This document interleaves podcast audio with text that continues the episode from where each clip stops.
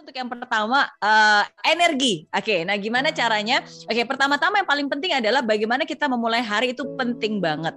Oke, okay, jadi saya selalu at least 10 menit pertama begitu begitu kita melek ya. Jangan langsung ngambil handphone dan ngelihat ngelihat apa ngelihat uh, timeline gitu kan. Waduh itu udah udah racun gitu. Jadi jadi jangan menurut saya. Karena ada banyak itu kan ada banyak hal yang tidak bisa kita prediksikan yang kita baca nanti tiba-tiba malah udah nempel ke otak kita gitu. Jadi jangan. Ya jadi begitu melek mata sih selalu buat saya sendiri mungkin udah jadi sebuah kebiasaan ya. Begitu saya melek yang ada di trigger saya adalah wow saya masih hidup loh. Berarti sebenarnya Tuhan masih saya kesempatan, kasih saya kesempatan hari ini gitu. Saya masih nafas, saya masih bisa hidup gitu kan. Berarti itu sesuatu yang baik. Terima kasih Tuhan gitu. Ber, dan berprasangka baik. Nah, gimana caranya kita menciptakan energi tapi untuk bisa konsisten itu semua harus selaras. Selaras itu berarti diawali dengan prasangka baik jadi kita berharap yang baik. Oke, hari ini adalah hari yang baik. Nanti saya akan um, bertemu dengan orang-orang yang baik, gitu kan. Semua akan dilancarkan. Jadi mulai dari berprasangka baik, ya bersyukur, berprasangka baik. Oke, dan berperasaan baik juga. Oke, wah bersyukur. Apa yang saya syukuri hari ini? Oke, wah nanti hari ini bakalan seperti ini dan seterusnya. Bertutur kata baik. Apa kata-kata yang kita ucapkan? Ya, jangan pas lagi uh, di kamar mandi habis itu kayak aduh gila nih berat badan nambah nih kayaknya. Aduh, gue jelek banget ya keriputan gitu kan. Aduh, lelah nih, kurang tidur. Ya it, itu jadi nggak selaras. Nah, kalau nggak selaras akhirnya energinya jadi ke mana-mana gitu. Jadi berprasangka baik, berperasaan baik, bertutur kata baik gitu. Nah, jadi itu semua harus kita buat dulu gitu pagi-pagi sebelum kita keluar. Karena kalau kita keluar kita pasti akan ketemu sama orang lain gitu. Kita akan terefek gitu. Jadi kita buat dan persiapkan dulu.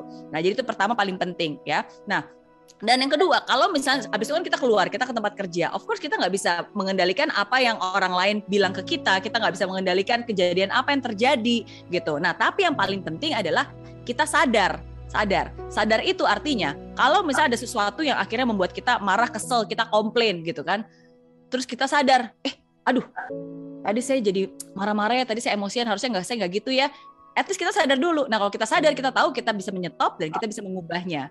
Oke nah dan yang paling penting sadar bahwa di dalam satu hari itu nggak mungkin positif positif positif terus nggak ada daunnya tuh nggak mungkin. Pasti ada daunnya nih gitu. Itu nggak pasti seperti itu dan itu wajar. Jadi bilang saya normal ya kan?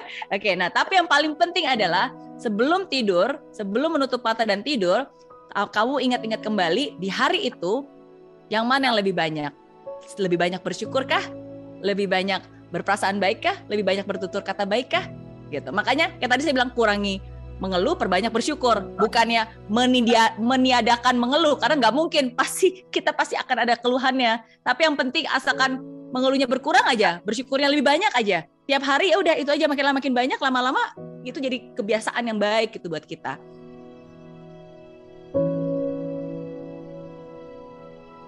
Okay, jadi um, mau memulai sesuatu, mau investasi, tapi pasti ada ketakutan. Saya mau mau bikin bisnis sendiri atau usaha apa pun itu pasti ada ketakutan. Nah, salah satu cara simple aja jawabnya singkat untuk bisa mengurangi ketakutan itu, oke, okay, harus dengan menambah pengetahuan. Karena sering kali ketakutan itu karena kita nggak tahu, akhirnya kita takut, khawatir. Oke, jadi kita harus menambah pengetahuan. Nah, pengetahuan seperti apa?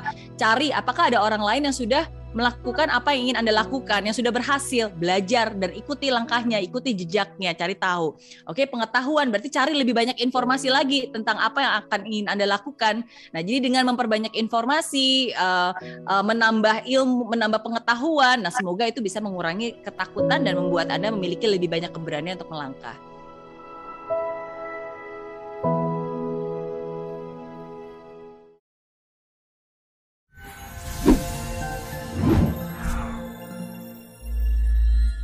Aplikasi Mary Riana tersedia lengkap video-video YouTube terbaru saya, artikel yang up to date, post inspirasi, koleksi merchandise, workshop dan seminar yang bisa kamu dapatkan free dan download sekarang juga gratis.